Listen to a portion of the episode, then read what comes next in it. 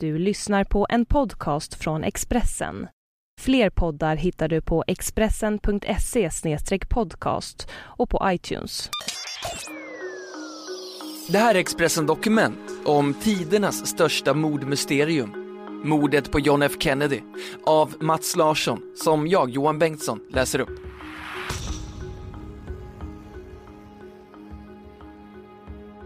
Det är fortfarande lätt chockartat att komma upp för Main Street fram till Dilley Plaza i Dallas trots att det nu gått 50 år sedan skotten som skakade Texasstaden och hela världen. Allt ser ju likadant ut. Där i hörnet vid Houston Street och Elm Street ligger exempelvis byggnaden som den 22 november 1963 rymde Texas School Book Depository, numera ett museum om mordet. Gräset på Delay Plaza är lika grönt, kullen på andra sidan Elm Street lika så. Ett kryss på Elm Street markerar platsen. De flesta av oss, även vi som inte var födda 1963, kan känna att vi har varit där. Känna hur pulsen slår lite snabbare. En YouTube-tittning på amatörfilmaren Abraham Zapruders 26 sekunder långa film är fortfarande ordentligt omskakande. Det var bara Sapruder som lyckades fånga mordet på rörlig film. Men det skulle dröja till 1975 innan den visades på amerikansk tv för första gången. Det fanns inget tv-team på plats vid Delay Plaza. De flesta tv-reportrar hade åkt i förväg till Texas Trademark, kortegens destination, där presidenten skulle hålla ett lunchtal. Dallas var tänkt att bli bara en av många destinationer under presidentens tre dagar långa besök i Texas. Han och Jackie Kennedy hade anlänt till delstaten dagen innan, den 21 november. Det var mindre än ett år kvar till valet 1964 och valkampanjen började så smått varva upp. Det var därför Kennedy rest till Texas. Han hade vunnit denna viktiga delstat med bara 46 000 rösters marginal 1960 och visste att han var tvungen att ta hem Texas igen 1964 om han ville bli återvald. Då, 1960, hade han fått viktig draghjälp av sin vicepresidentkandidat Lyndon B Johnson som kom från Texas och hade varit majoritetsledare i senaten. Men sanningen var att de två inte gillade varandra. Som vicepresident hade Johnson blivit utfryst av Kennedy och hans team. Fast även Johnson var med vid denna novemberresa till Texas. Det var ju trots allt hans hemmaplan. Och Demokraterna, president Kennedys parti, var farligt splittrade i Texas mellan konservativa och liberala. Ett syfte med resan var att ena partiet. Det fanns dock medarbetare som tyckte att det var en dålig idé för presidenten att resa till Dallas. Det fanns många nere i Texas som inte var så förtjusta i den liberale presidenten från Massachusetts uppe i New England. USAs FN-ambassadör, Adlai Stevenson, hade exempelvis fått känna på det. Han var en känd liberal och före detta presidentkandidat, men under ett besök i Dallas den 26 oktober 1963 hade han blivit utbuad, bespottad i ansiktet och attackerad med ett plakat i huvudet. Den 4 november varnade Texas-demokraten Byron Skelton, presidentens bror, justitieminister Robert F Kennedy han skickade honom bland annat ett tidningsurklipp där en pensionerad general och medlem i det radikala John Birch-sällskapet skrivit “Kennedy är en belastning för den fria världen”. Jag skulle må bättre om presidentens rutt inte inkluderade Dallas, rådde Skelton. Senator William Fulbright hade själv personligen varnat presidenten. Även Fulbright ansåg Dallas vara en farlig stad. Jag skulle inte resa dit, gör det inte. Men Dallas var också en stor och viktig Texas-stad. Det fanns inte en chans att Kennedy tänkte hoppa över den. Texasresan började vid San Antonio på torsdagen den 21 november, fortsatte samma dag upp till Houston och avslutades i Fort Worth sent på kvällen. Den 22 november väntade ett morgontal och frukost i Fort Worth. En kort flygning till Dallas och på eftermiddagen resa till Texas huvudstad Austin för en galamiddag och bidragsinsamling. Natten skulle tillbringas på Lyndon B Johnsons ranch. Viktigt var att paret Kennedy måste vara tillbaka i Washington på måndagen. Det var sonen John Juniors födelsedag, hans tredje. Det skulle bli dagen då pappa begravdes. John F Kennedy hade under hela Texasresan sällskap av sin fru Jackie. Det var första gången som hon följt med på en politisk kampanjresa sedan valet 1960 och det gladde presidenten. De hade haft några mycket tuffa månader. Deras tredje barn, Patrick, hade fötts den 7 augusti men bara fått leva i 39 timmar. Tragedin verkade ha fört dem närmare, trängt undan presidentens många otrohetsaffärer. Presidenten gladdes så mycket åt att han för en gångs skull hjälpt hustrun att välja kläder inför resan. Hans personliga favorit, en skär Chanel. Den har hon på sig den 22 november. Presidenten håller sitt första tal den morgonen på en regnig parkeringsplats utanför Texas Hotel i Fort Worth, där de tillbringat natten i svit 850. Cirka 5000 åskådare har samlats, men är lite besvikna eftersom Jackie inte dykt upp. Fru Kennedy organiserar sig själv. Det tar lite längre tid, men då ser hon också bättre ut än vi gör när hon är klar, skämtar presidenten. Själv är han klädd i blå kostym med dubbelknäppning, en mörkblå slips och vit skjorta med grå ränder. På väg mot Dallas läser han en annons i Dallas Morning News betald av John Birch-sällskapet som beskyller presidenten för att vara för tam mot kommunisterna och för att låta sin bror, justitieministern, jaga amerikanska patrioter. Presidenten visar annonsen för Jackie och säger Vi är på väg till knäppskallarnas land idag. Men Jackie, om någon vill skjuta mig från ett fönster med ett gevär så kan ingen stoppa det. Så varför oroa sig? Det finns precis en sån person denna dag. Men han tillhör inte någon högerradikal organisation som John Birch. Han befinner sig tvärtom på den andra änden av den politiska skalan. Den förre marinkårssoldaten Lee Harvard Oswald hade omskrivits på en del amerikanska första sidor när han 1959 hoppat av till Sovjetunionen. Nu var han tillbaka i USA sedan något år tillsammans med sin ryska fru Marina de hade fått en andra dotter i oktober, men äktenskapet knakade i fogarna. Oswald var fortfarande kommunist och såg med sympati på Kuba. Han hade i oktober 1963 besökt Kubas ambassad i Mexico City för att söka visum till ön, men fått avslag. FBI var intresserad av honom, men inte för att han ansågs utgöra något hot mot presidenten. Det var hans kommunistsympatier och bakgrund i Sovjet som väckte ett naturligt intresse. Oswald hade haft flera ströjobb efter återkomsten till USA, men hade svårt att behålla dem. Den 16 oktober hittade han ett nytt. Han skulle sortera och paketera böcker på Texas School Book Depository vid hörnet Elm Street och Houston i Dallas. Han är på jobbet den 22 november.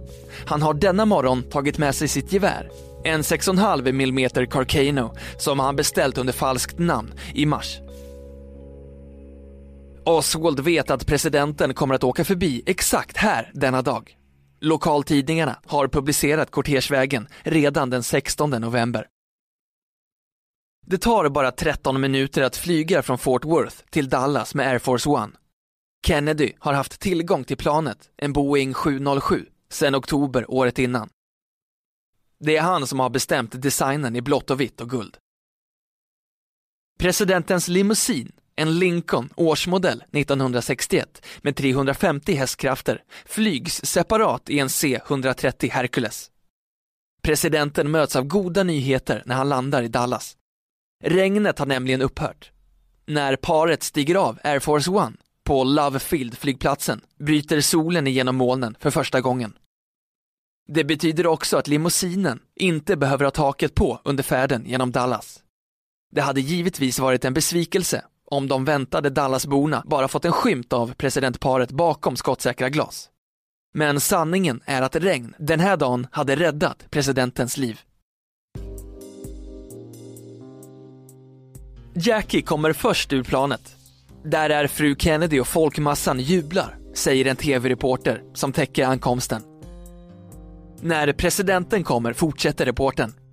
Jag kan se hans solbränna.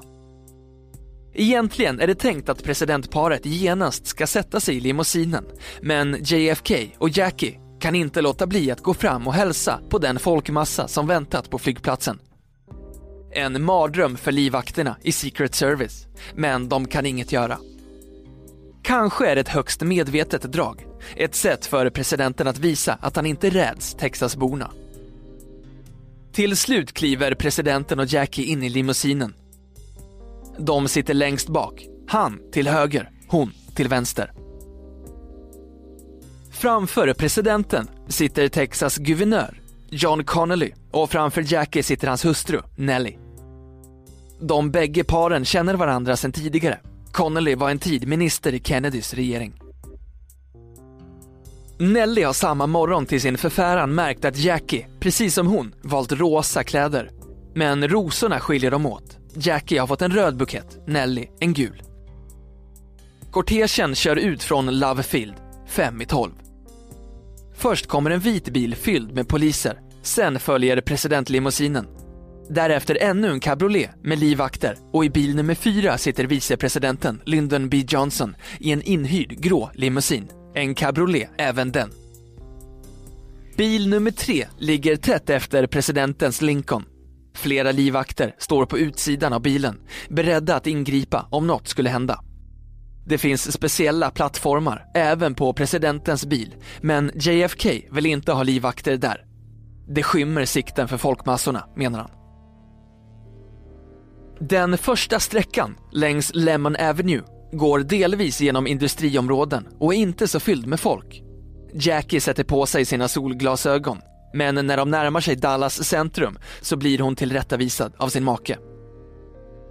Ta av dig glasögonen Jackie, uppmanar han. Hon lyder snällt och stoppar tillbaka dem i handväskan.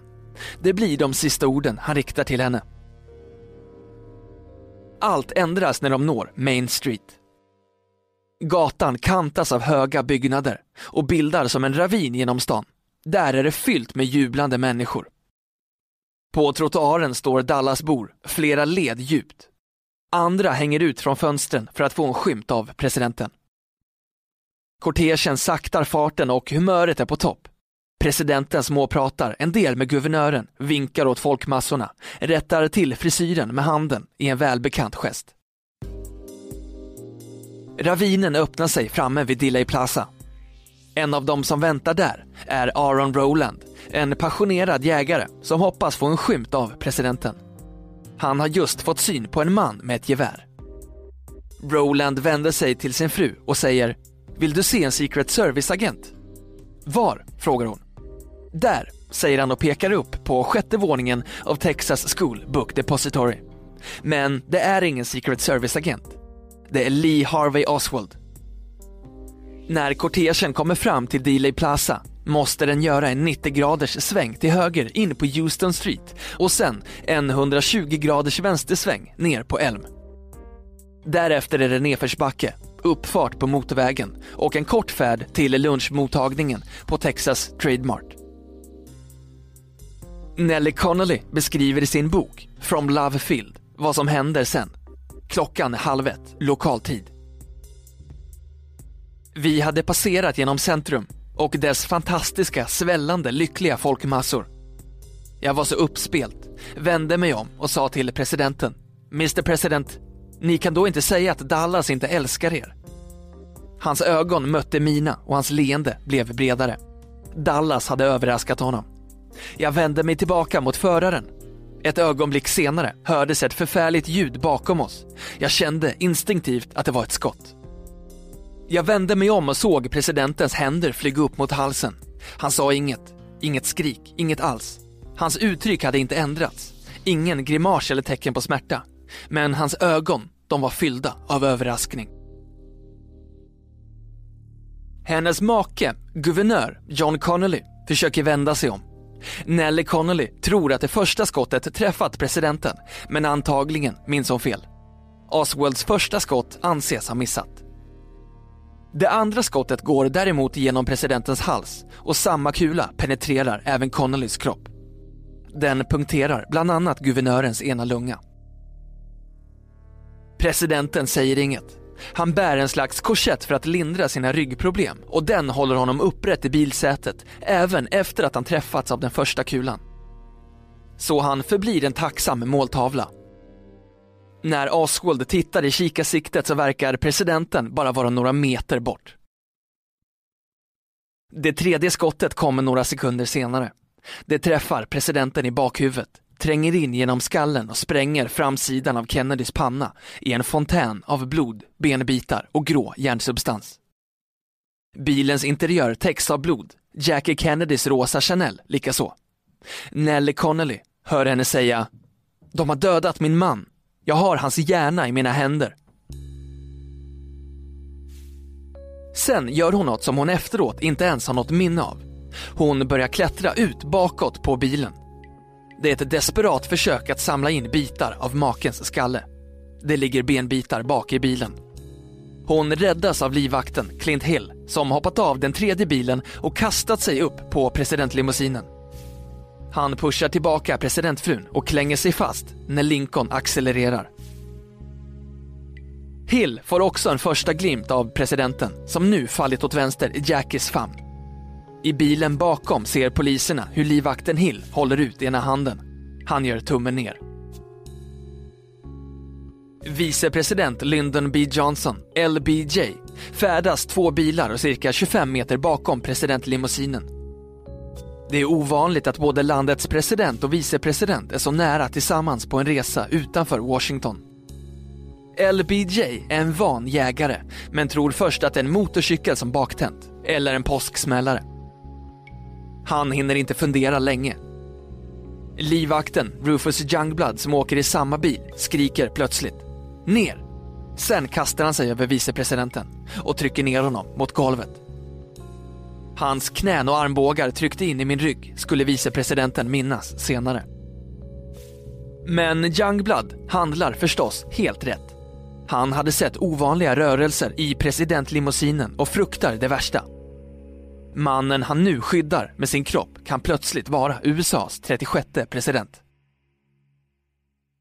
Kortegen sätter fart mot Parkland Memorial-sjukhuset, en kort färd bara några minuter bort.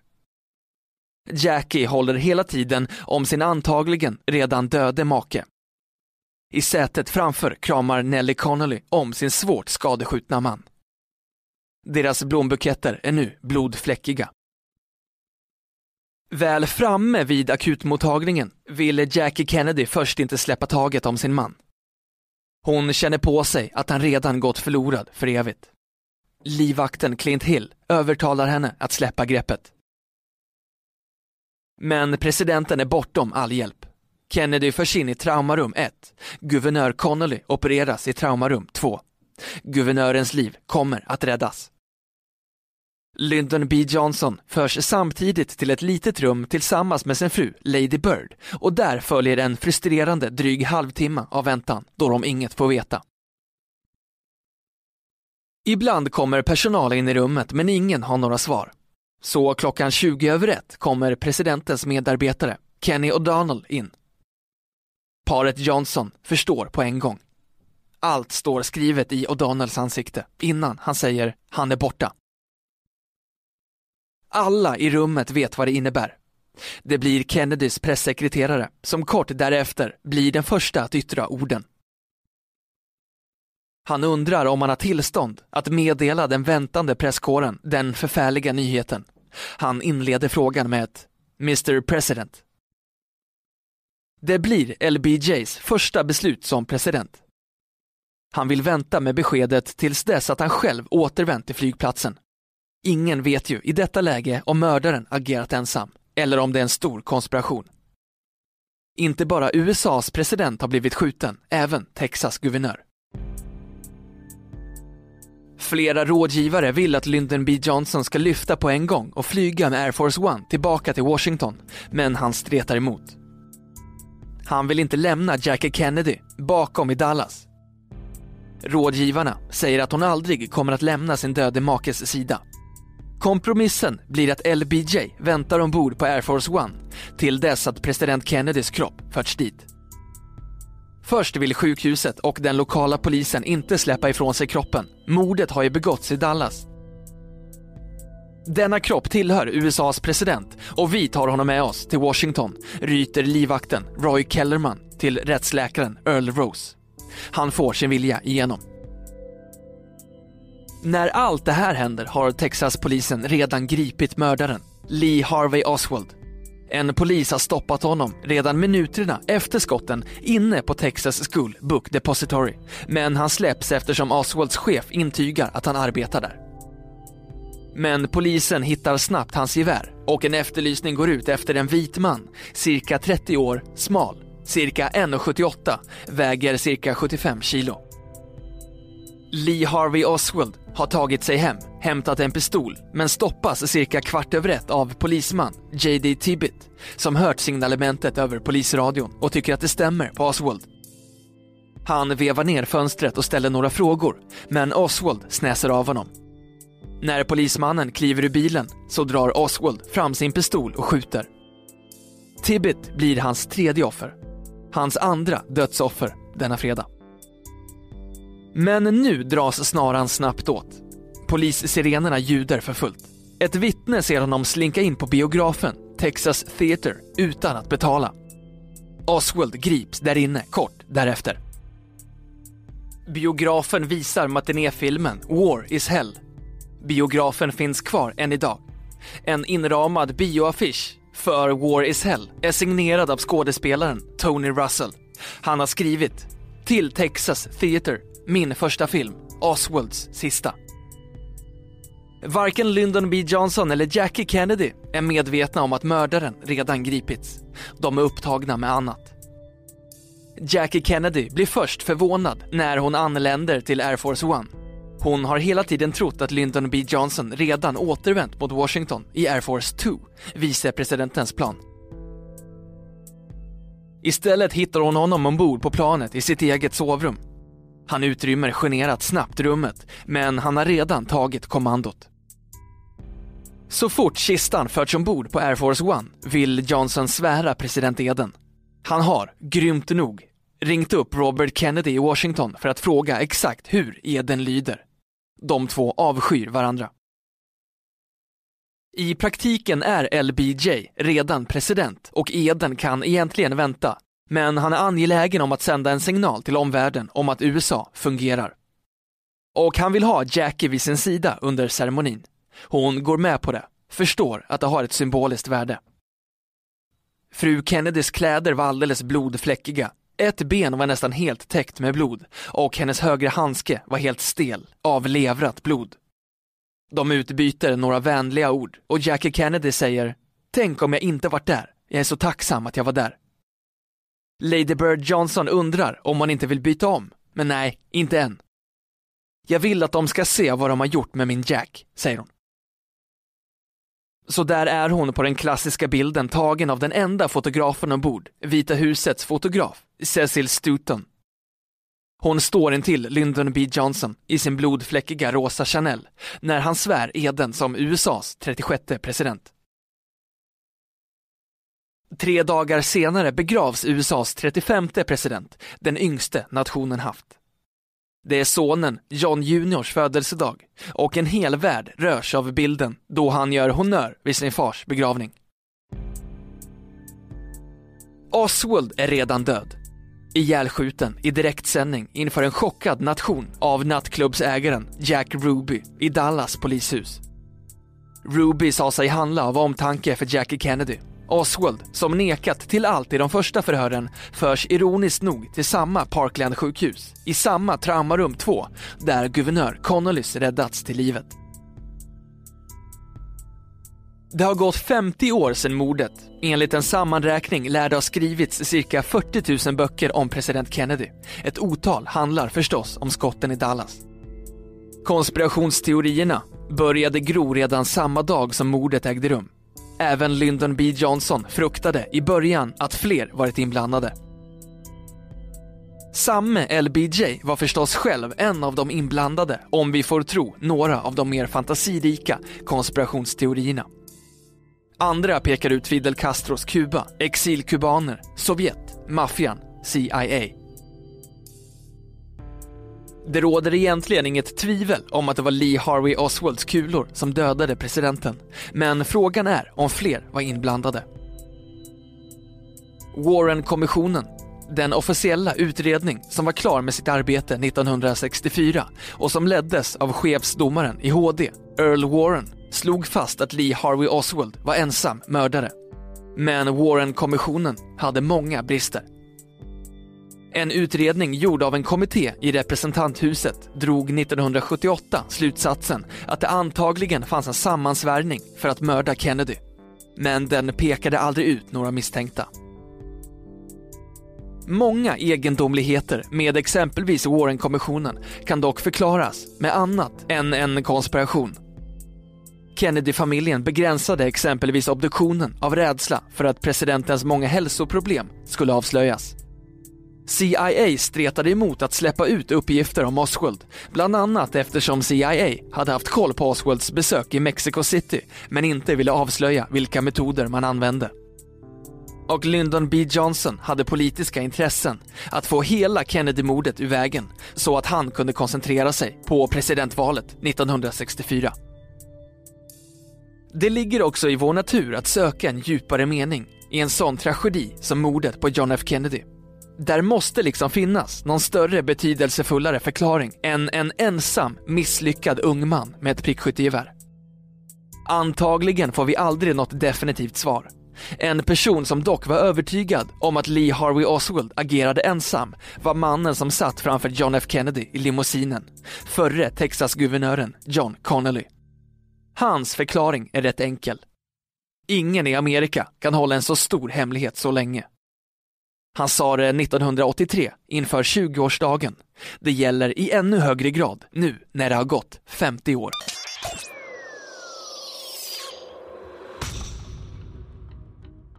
Du har lyssnat på en podcast från Expressen. Ansvarig utgivare är Thomas Mattsson. Fler poddar finns på Expressen.se och på iTunes.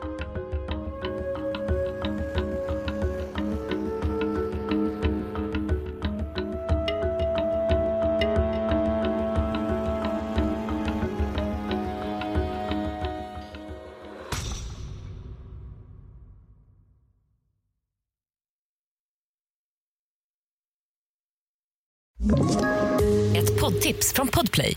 I podden Något Kaiko garanterar östgötarna Brutti och jag, Davva, dig en stor dos skratt. Där följer jag pladask för köttätandet igen. Man är lite som en jävla vampyr. Man har fått lite blodsmak och då måste man ha mer. Udda spaningar, fängslande anekdoter och en och annan arg rant. Jag måste ha mitt kaffe på morgonen för annars är jag ingen trevlig människa. Då är du ingen trevlig människa, punkt. Något Kaiko, hör du på Podplay. Därför är gardinerna.